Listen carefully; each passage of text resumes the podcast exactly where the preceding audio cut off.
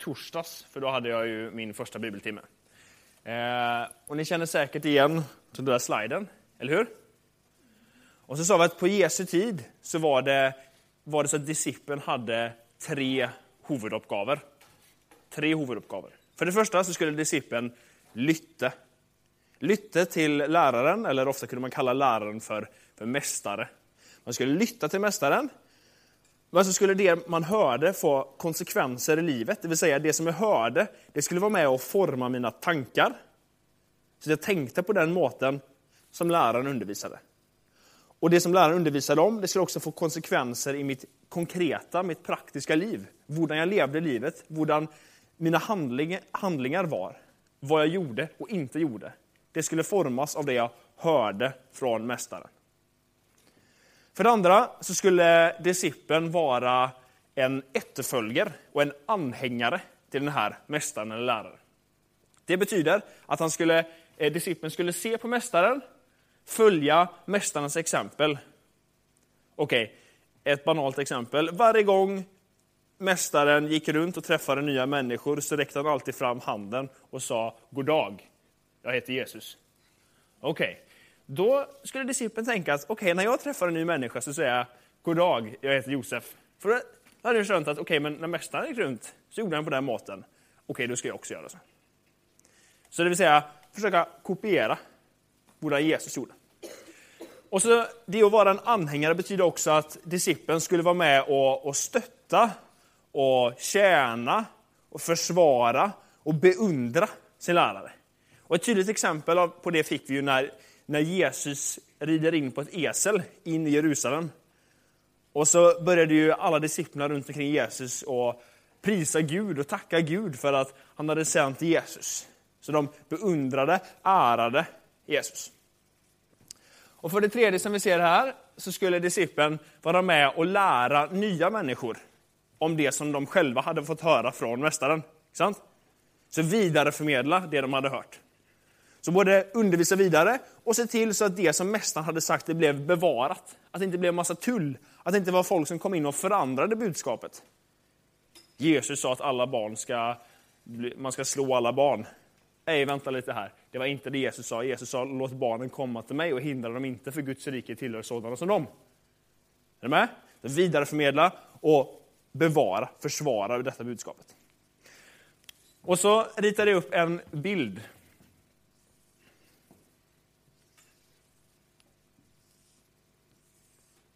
Det här ska alltså föreställa ett hus.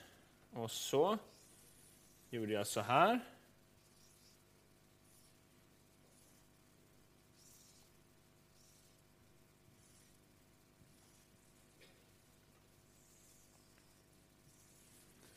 Och nu vill jag att eh, någon kommer fram och fyller i det som manglar på den här bilden och bara förklarar. Vad var, det, vad var grejen med den här bilden? Någon som har lust att göra det?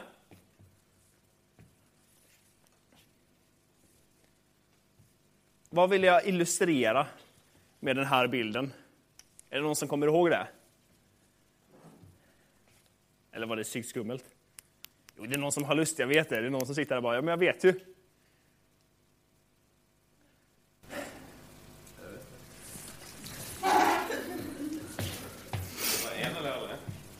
Ja, du får ta alla för vi har eh,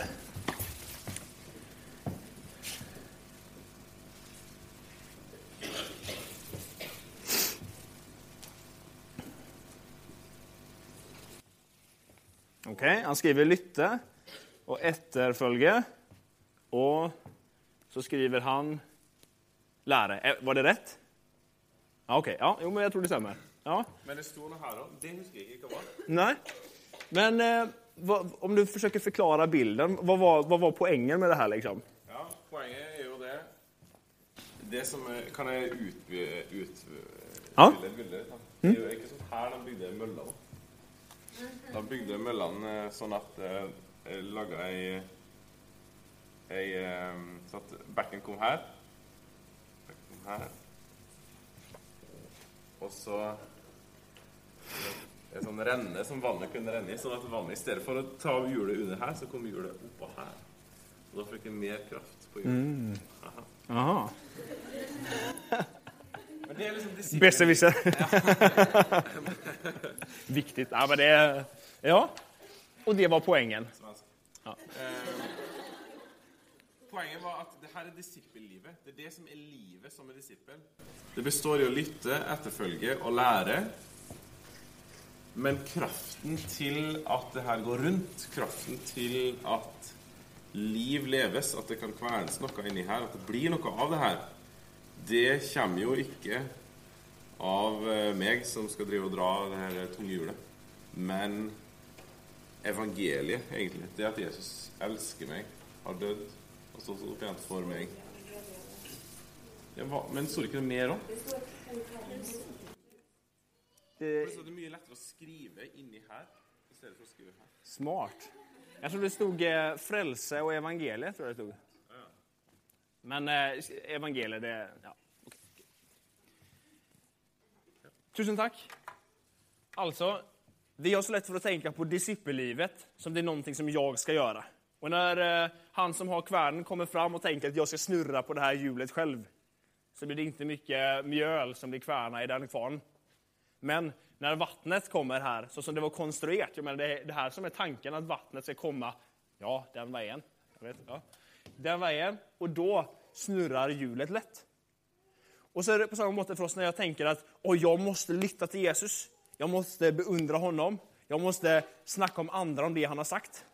Ah, Så blir det ju slitsamt, för jag- jag ska liksom bara ta mig samman. Men när jag får ett möte med Jesus, Jesus kommer till mig och säger Josef, jag älskar dig.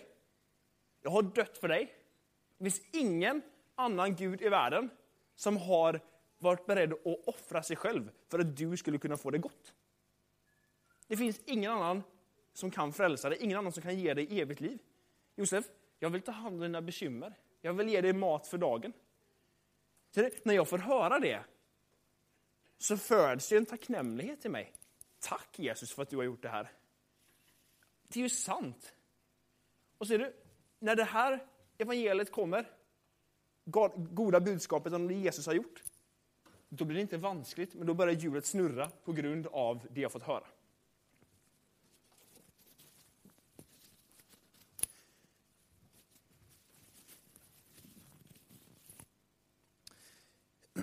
Vi ska gå vidare. Och så, det här var en liten repetition för att komma, komma in på banan. Ehm, nu, ja det syns kanske inte så bra. Nu ska vi spöra oss, vad är då målet med det här? När det här discipellivet snurrar. Det som Jesus kallar oss till. Jesus säger, följ mig. Vad är det då Jesus vill med det? Och så kanske ni kommer ihåg eh, första mötet i onsdags. Så talade jag om när Jesus kallade Levi. Han satt vid tolvborden och så var det två ord Jesus sa till honom. Han sa, följ mig.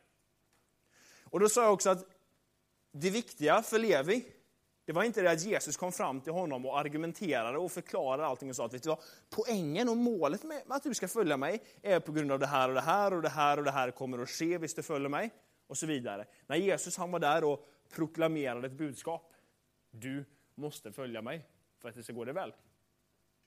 Men när det är sagt, och nu när vi har ett läger där vi eh, snackar om det att vara discipel, så är det absolut inte fel av oss att faktiskt fundera på, ja men vad är då målet med discipellivet?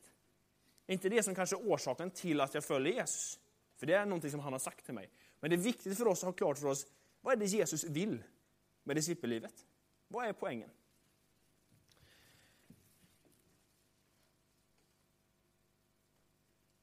Och för att jag nu ska kunna svara på det här och för att vi ska kunna förstå lite mer av det här, så behöver vi gå en liten runda genom Bibeln, göra en liten vandring. Eh, och då vill jag att vi ska slå upp Första Mosebok kapitel 1, vers 27.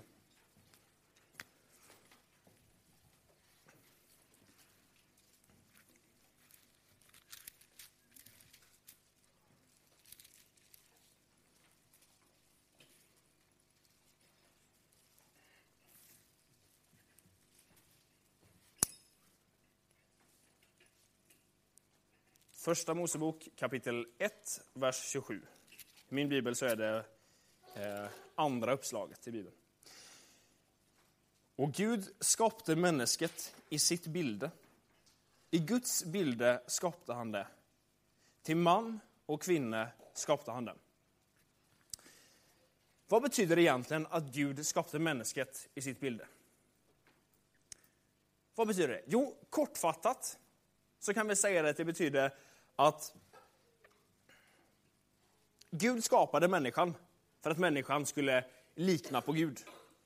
Gud skapade människan så att den skulle ha någon träck som liknade på Gud. Någon egenskaper som liknade på Gud. Några sidor som liknade på Gud. Därmed inte sagt att när Gud skapade människan så var människan Gud. Nej, för Gud är Gud och så skapar han en människa och människa och Gud är inte samma sak. Men människan skulle likna på Gud. Och det kommer ju väldigt tydligt fram när det står att och Gud skapade människan. För tänk efter, om du nu skulle bestämma dig för att skapa någonting. Tänk att du till och med ska skapa någonting som är så avancerat, någonting som kan likna en människa så mycket som möjligt. Ja, då kanske du lagar en robot. En smart, intelligent robot. Om du har skapat en robot, är det då samma sak som en människa? Nej, självklart inte. Alltså det man skapar är aldrig av samma som jag säga, väsen eller samma natur. Alltså, det jag skapar kan aldrig bli en människa. Däremot, det som jag föder, okej okay, nu är jag en man så jag föder inte, men om jag får ett barn så är det ändå fött på en måte från, från mig. Ni förstår vad jag menar? Ni behöver inte ta, ja, behöver inte ta hela den praten. Nej, okay. eh, det som är fött av mig, det är av samma natur, det vill säga Alexander, alla skulle, de flesta skulle vara eniga att han är en människa. Ja, för jag, jag är en människa. Så det som föds av mig, det blir av samma natur. Det jag skapar, det är av en annan natur. En häst skapar eh, avföring. Okej. Okay. Det blir inte en ny häst. Däremot så föder hästen en häst. Gud säger att han skapade människan. Och jag tänker att Bibeln kommer inte med en sån här lång lista där den ramsar upp allt det här, eh, alla de här egenskaperna fick människan och alla de här egenskaperna är liksom på något ett bild av Gud. Allt det här innebär att människan var skapat i Guds bild. Nej, det kommer ingen sån lista. Men vi kan ändå se någon träck, någon egenskaper som är viktiga att lägga märke till. Gud skapade människan ren. Gud skapade människan utan synd, det vill säga utan någon som helst lust eller begär till att göra det onda. Till att göra onda handlingar. Gud skapade människan ren, för Gud är ren. Gud kan inte acceptera det som ont. Gud har inte en ond tanke, Gud har inte någon endaste ond handling. Gud är ren, syndfri, och han skapade människan på samma måte. Vidare så kan vi se det att Gud skapade människan med ett språk. Gud, han har ett språk. Och hela Bibeln är ju ett bevis på att Gud är en Gud som har ett språk, en Gud som önskar att kommunicera. Gud är liksom inte bara en sån där flummig, obeskrivbar kraft som bara, bara Gud. Liksom. Men en Gud som har producerat massor av ord som han vill ge till oss. Han vill, han vill säga någonting till oss. Han vill kommunicera, snacka.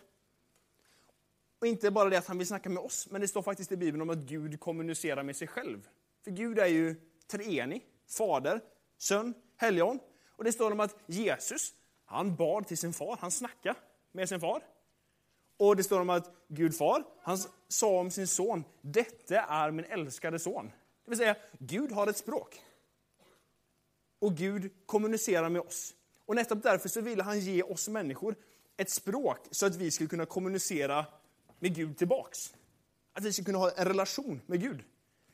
Eh, att vi skulle kunna ha en relation med varandra. Så att jag kan eh, prata med Öyvind. Så vi kan eh, ha en kommunikation. Det ville Gud. Och det är en del av det att vara skapt i Guds bilde, med ett språk. Dyren, de kan ju måtte, ge signaler Fågeln som sitter i trädet så kan ju säkert sända ut en form av varningsrop när det kommer en eh, man med motorsåg och ska kapa trädet. Så kommer en sån här uroväckande lyd från fågeln att oh, danger liksom. Men fågeln har ju inget språk. Två fåglar kan ju inte sitta på en gren och så prata med varandra om vad tänker du är meningen med livet? Jag vet inte riktigt. Kanske få tag på så många feta dagmaskar i jorden som möjligt. Eller ett eller annat. Nej, men då, eller vad ska vi göra imorgon? Kan de säga det? Nej. De kan ge signaler till varandra, men de har inget språk. Dyren, de har inget språk. Men människan har ett språk.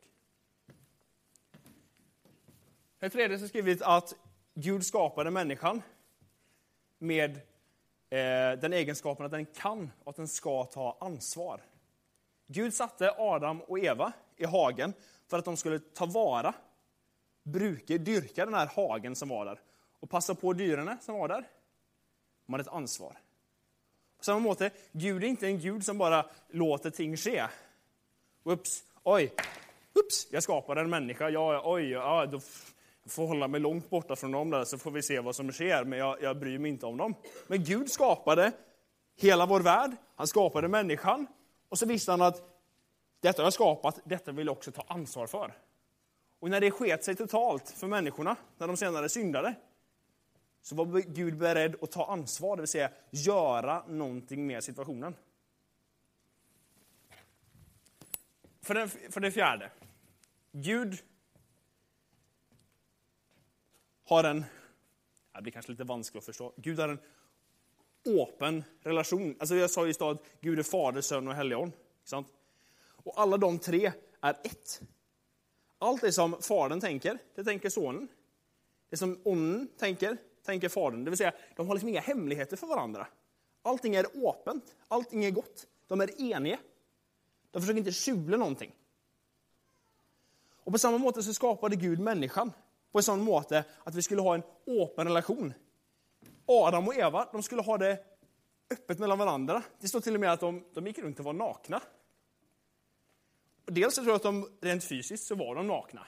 Och så står det att de, de tyckte inte det var flut. Det, det var inga problem, därför att de hade ingenting att, att skamma sig över. Men jag tror också det säger någonting om, om deras relation. Adam hade inga hemligheter för Eva. Han försökte inte leva ett liv på Sia där, där Eva inte fick ha en, en del i det. Eller tvärtom. Eva försökte inte leva isolerad från Adam. Men de, de hade en öppen, en god relation.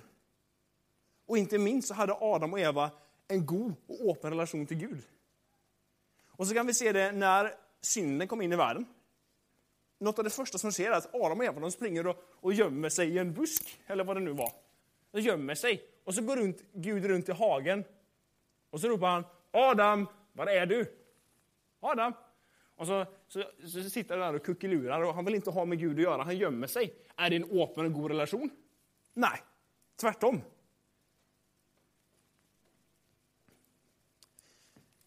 Men det, det här är någonting av det som ligger i att Gud skapade människan i sitt bilde.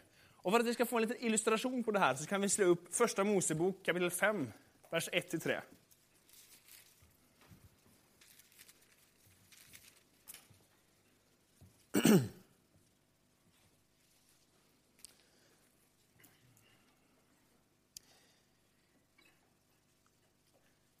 Detta är boken om Adams släktshistoria. På den dagen Gud skapade människet skapade han det i Guds lignelse. Till man och kvinna skapade han dem, och han välsignade dem och gav dem namnet människa på den dagen det blev skapat. Pause. Så långt är vi med, det hade vi redan läst. Och det är det vi har snackat om här. Så kommer tredje versen. Då Adam var 130 år gammal fick han en son i sin eh, liknelse efter sitt bilde. Han kallade ham sett. Ser du här? Här får vi liksom en illustration på vad det betyder att Gud skapade människan i sitt bilde. Och så ser vi Adam. Han fick en Gud som hette Sett, Som var i Adams liknelse. Sett var i Adams bilde. Ehm, det vill säga, folk, om det nu, jag vet inte hur många människor som fanns på den tiden, det var kanske inte så många, men låt oss säga att eh, om någon nu skulle se min Guds Alexander, så kan ni komma och säga, oj, jag ser, Josef, han, Josef, han har ju dina ögon. Och så går han ju lika, går han ju lika morsomt som du gör kanske. Eller, eller ett annat. Så, så kan man se på honom och säga, oj men han liknar ju på mig. Han är i min lignelse. Han är, han är i mitt bilde. Även om Alexander är ju inte mig. Seth var ju inte Adam. Och människan var inte Gud. Men så får vi här ett exempel, någonting av vad det betyder att vara skapt i Guds bilde. Seth var i Adams bilde. Okej, okay, vi, tar en litet break och så bara, är det någon som har spörsmål kring det här? Som tänker att det här vill jag spöra mer om? Eller någonting som var oklart? Rart? Eller är ni med mig? För det här är lite viktigt att liksom få tag på den här biten. Och jag kan bara säga att vidare så har jag, vi kan ju liksom inte på något sätt tegna riktigt det här med, med det här gudsbildet, men jag har ändå försökt att symbolisera det med den där symbolen. Så när den återkommer så är det detta gudsbilde som jag tänker på, och på Gud. Okej. Okay. Vet du vad? Då går jag vidare. Alla är med, alla har känt allt perfekt. Smarta norrmän. Hade aldrig funkat i Sverige.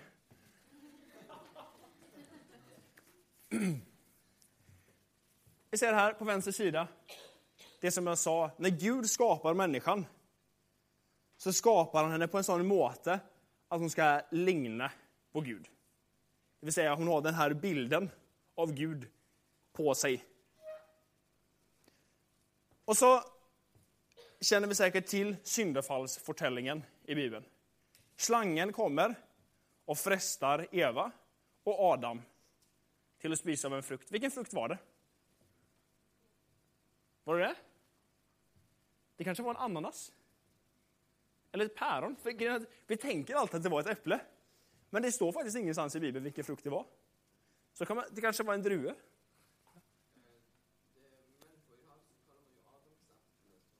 Precis. Så det, ehm, det skulle väl tyda på att det var ett äpple, men om vi läser i Bibeln så står det faktiskt ingenstans om vilken frukt det var. Så när Adam och Eva spiste av den här mangon, kan vi säga, så kom synden in i världen. Och på en måte ska man tänka sig, ja men det var väl bara en frukt. Det var väl bara en mango.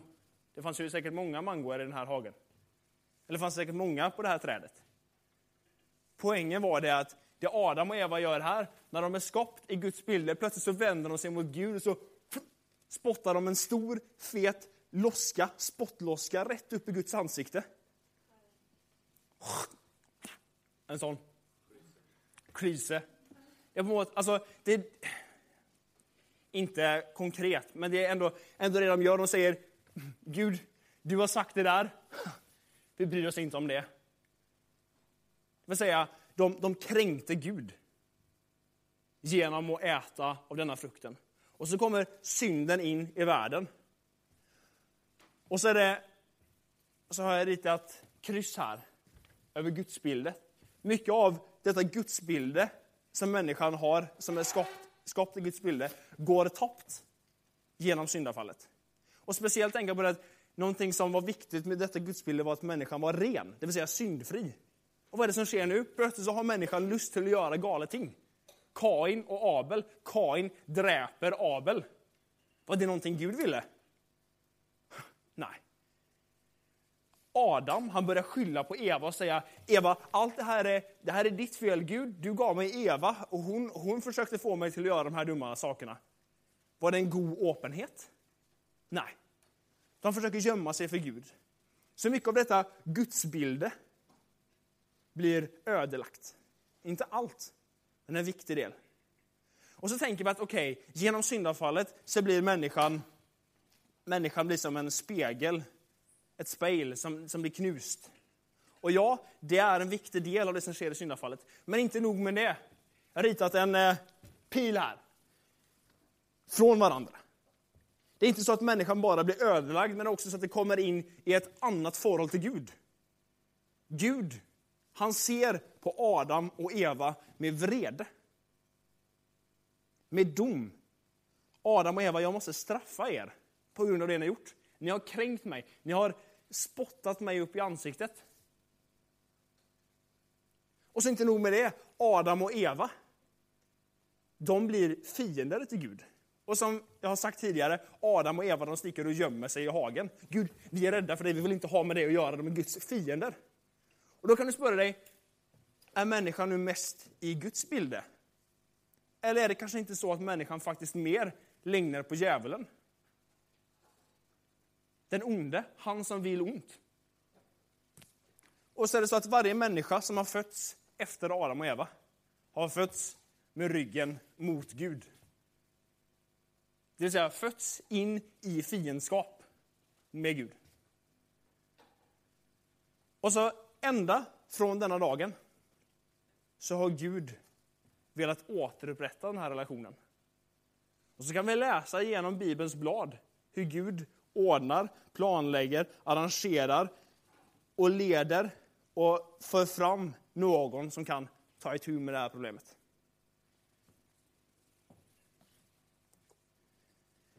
Vi ska göra ett hopp och ska vi slå upp andra Korinthierbrevet 4, vers 4. Andra Korinthierbrevet 4, 4.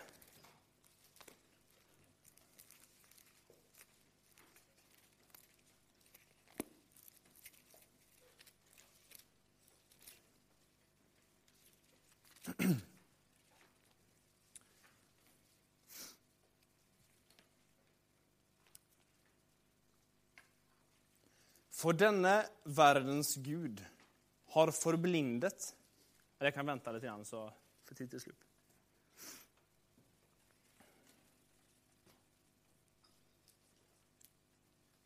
Denne, för denne världens Gud har förblindet det vantro sin, så de icke ser lyset från evangeliet om Kristi härlighet. Han som är Guds bilde. Lägg märke till det absolut sista som står i den här versen. Jesus han kallas också för Kristus. Vi ska inte gå in på betydelsen av det nu. Men Jesus, det står att han är Guds bilde. Alltså, när Gud sänder sin son, Gud, han sänder sin son Jesus till världen, så är, så är Jesus det här genupprättade Guds bilde. Det som i flera tusen år hade varit tappt. Ända från Adam och Evas tid så var detta gudsbilde tappt. Eller i vart fall svärt ödelagt. Men när Jesus kommer så är han detta genupprättade gudsbild igen. Och tänk på hur det var för Adam och Eva med Gud för syndafallet. Jo, allt var ju otroligt gott. Det var harmoni, det var glädje, det var inga problem, inga sorger. Allt var gott, det var frid mellan människan och Gud. Och när Jesus kommer till jorden så har han nettopp denna relation till sin, till sin far. Till, till, till Gud. Allt är gott. De har ingenting, de kan vara fullständigt öppna med varandra. Gud är syndfri, Jesus var syndfri. Han är detta gudsbild. Och så hörde vi i onsdags Jesus sa Följ mig. Följ mig, sa han till disciplerna. Och Jesus säger Följ mig till dig. Varför säger Jesus följ mig? Jo, han vill att folk ska börja följa honom. Gå bakom honom, gå med honom, vandra med honom. Och så kan du fundera på Levi. När han började följa Jesus, hur mycket hade han skönt? Jag tror han hade skönt väldigt lite. Tror du Levi hade skönt att Jesus var tvungen till att dö för honom? Att, han, att Jesus i det hela taget skulle dö på ett kors? Att Jesus skulle uppstå från de döda? Att Jesus skulle tillge synd? Hade de skönt det? Jag, jag tror inte det. Jag tror det gick ganska många år, kanske helt till och med tre år, innan disciplinerna skönte att vi har följt Jesus i tre år och inte förrän nu så känner ni att Jesus ville leda oss fram till korset. Där vi kunde se att Jesus dör för mina synder. Om jag tror på Jesus så får jag komma till himmelen. Om jag tror på Jesus så får jag tillgivelse för all synd. Och så det, står det i Bibeln att när en människa kommer till tro på Jesus som sin frälsare, då är det så att, som de här två jepparna som står där i rött, Pelle och Kent, eller vad vi nu sa. När de två kommer till tro på Jesus, så är det som att de blir, de får, de får ställa sig bakom Jesus. Och så får de gömma sig bak Jesus. Och så blir de helt skjult av Jesus. För det står att det är på något det gudsbilder, det perfekta liv som Jesus hade. Det får vi liksom räkna som vårt. Det är som att om jag nu har en miljon på mitt konto och så går jag in på nätbanken och så för jag över dem till dig. Då har du plötsligt min miljon. Ja, tusen tack. Grejt. Ja, ja grejt. Då har jag inte en miljon på banken. Men lite samma sak. Den som tror på Jesus, den får en sån kontoöverföring. Plötsligt, plötsligt så får den måste bli däckt, skjult i det här Jesu gudsbildet. I Jesu rättfärdighet, hans tillgivelse. Följ mig, säger Jesus. Och det kanske kommer ta en stund innan vi faktiskt får komma till den punkten där vi inser att Jesus, han är min frälsare. Först så tänker vi kanske mest att jag ska bara sväva runt det här hjulet själv. Jag, jag måste läsa Bibeln och jag, jag ska väl försöka och, och förtälla andra människor om Jesus. Och har kanske inte skönt så mycket. Och så vill Jesus leda mig närmare och närmare korset så jag ser att Jesus säger följ mig för att jag ska se att han är min frälsare. Tog ni det här? Det här är... Jag skulle säga att det här är som, som eh, stenen i mangon kärnan i kristen tro. Det här. Jag ska alldeles strax, äh, strax avsluta. Vi ska eh, gå lite vidare. Oj. Så. Eh, vi kan slå upp Romarbrevet kapitel 8, vers 29.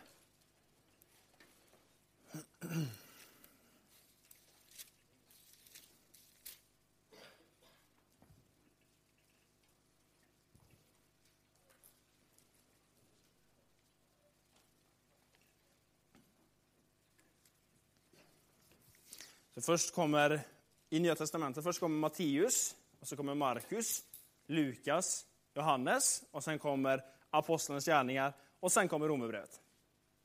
Man tänker Nya Testamentet, och så den sjätte boken. 8.29 så står det, för dem som han förutkänte, dem har, han också förutbestämt till att bli likedannet med hans söns bilde, för att han ska vara den förstefödde bland många bröder. Många ord som vi kanske inte helt känner här.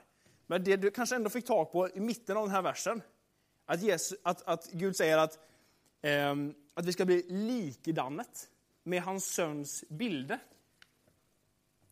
Jesus säger, följ mig. Och så är hans vilja att vi ska bli lika Jesus. Okej, okay, i förra sliden så sa jag att när vi kommer till tro på Jesus så är det som att vi blir däckt av Jesus. Och det är det som har allt att säga för om jag ska bli rättfärdig, det vill säga om jag ska få komma till himmelen. Och här kan jag inte göra någonting. Jag kan liksom inte eh, kämpa och så tänka att om jag gör massa bra saker, då kommer Gud till att acceptera mig. Då kommer jag få komma till himmelen. Nej, den som tror på Jesus, den blir däckt av Jesus. Den har tillgivelse för all synd och är på väg till himmelen. Men så säger Jesus också, följ mig. Och så vill han att vi också, på insidan, i mitt liv, så är det fortfarande samma dritt och lort. Där jag fortfarande en, en, en lust till att göra ting som är galt. Och så vill Jesus att jag också, alltså på, på måte, känner ni bilden, på, på utsidan så är jag däckt av Jesus. Sant?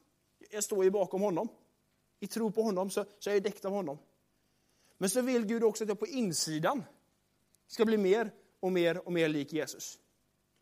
Och så säger han, följ mig. Se på mitt exempel. Gör som jag gjorde. Men det som är viktigt att ha med sig här är att det som vi nu gör, när jag nu önskar att mitt liv ska likna Jesu liv, så är det inte för att Gud ska godta mig. När jag tänker att Jesus vaskade disciplernas fötter, grejt, då ska jag ta och vaska Öyvinds fötter. Så gör jag inte det för att Jesus ska godta mig, för att jag ska komma till himmelen. För det gör jag ju på grund av att jag tror på Jesus. Och ibland så säger vi så här att Gud, han behöver inte mina goda gärningar. När jag vänder andra kinden till, så är det inte för att Gud behöver det. Eller när jag hjälper den som är fattig, så är det inte primärt för att Gud behöver det.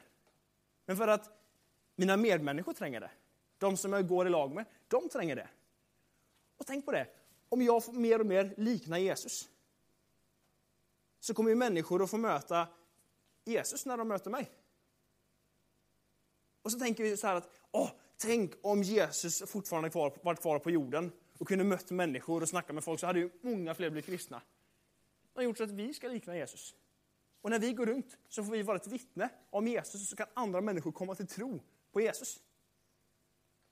Och så kan vi spöra oss, ah, men är det möjligt? Kan jag, kan jag verkligen leva ett liv som liknar Jesu liv? Jag vill bara läsa en, ett citat från en bok här.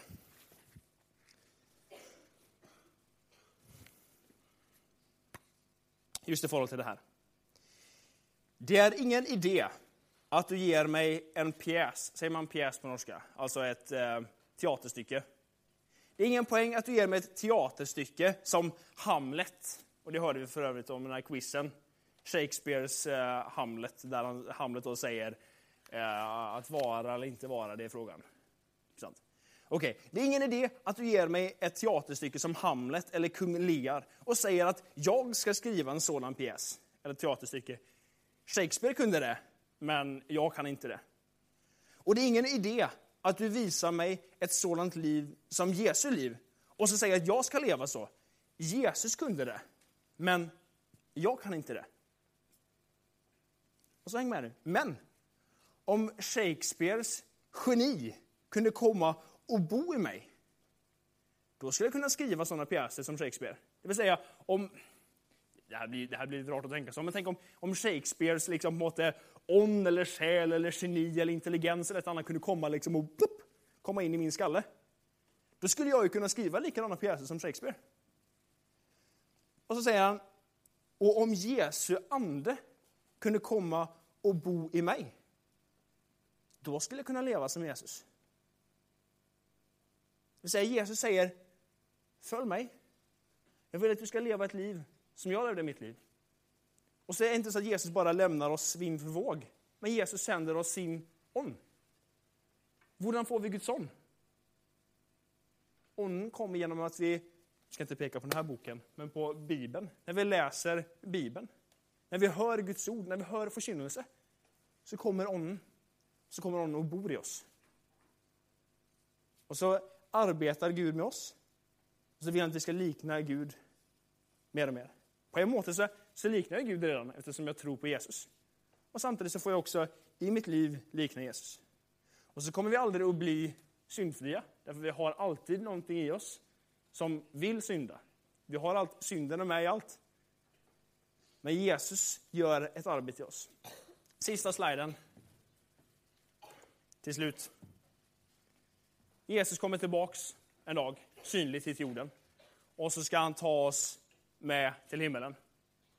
Och då står det i första Johannesbrevet 3.2 att när vi ser honom, då ska vi bli helt lika honom. Men sen när Jesus kommer tillbaks, så kommer alla människor som tror på honom, som på en måte på utsidan redan har Guds bilder, också på insidan till 100 procent likna Jesus. För den här synden, eller det som vill göra synd i vårt liv, den stannar i graven. När vi läggs i en grav, döda, och när vi sen uppstår från graven, då kommer den gamla människan att vara kvar där. Då kommer synden och lusten till synd vara kvar där. Och ser du, det här är liksom det stora övergripande perspektivet med det att vara en discipel. Ett gudsbilde som blir genomupprättat. Och så kan vi då se på när, när Jesus kommer tillbaka så vi får komma till himmelen. Då kan du tänka att då är det som att vi är tillbaka i paradiset, i Edens hage. Där allt var så det. Där allt var perfekt. Inget lidande, ingen synd. Ett gott och öppet förhållande till Gud. Det sker igen när vi kommer till himlen. Och Det är det som är hela den stora linjen i Bibeln. Ett gudsbilde som går tappt, som blir genomupprättat med Jesus, som vi får del i genom tron och som blir helt när vi kommer till himlen.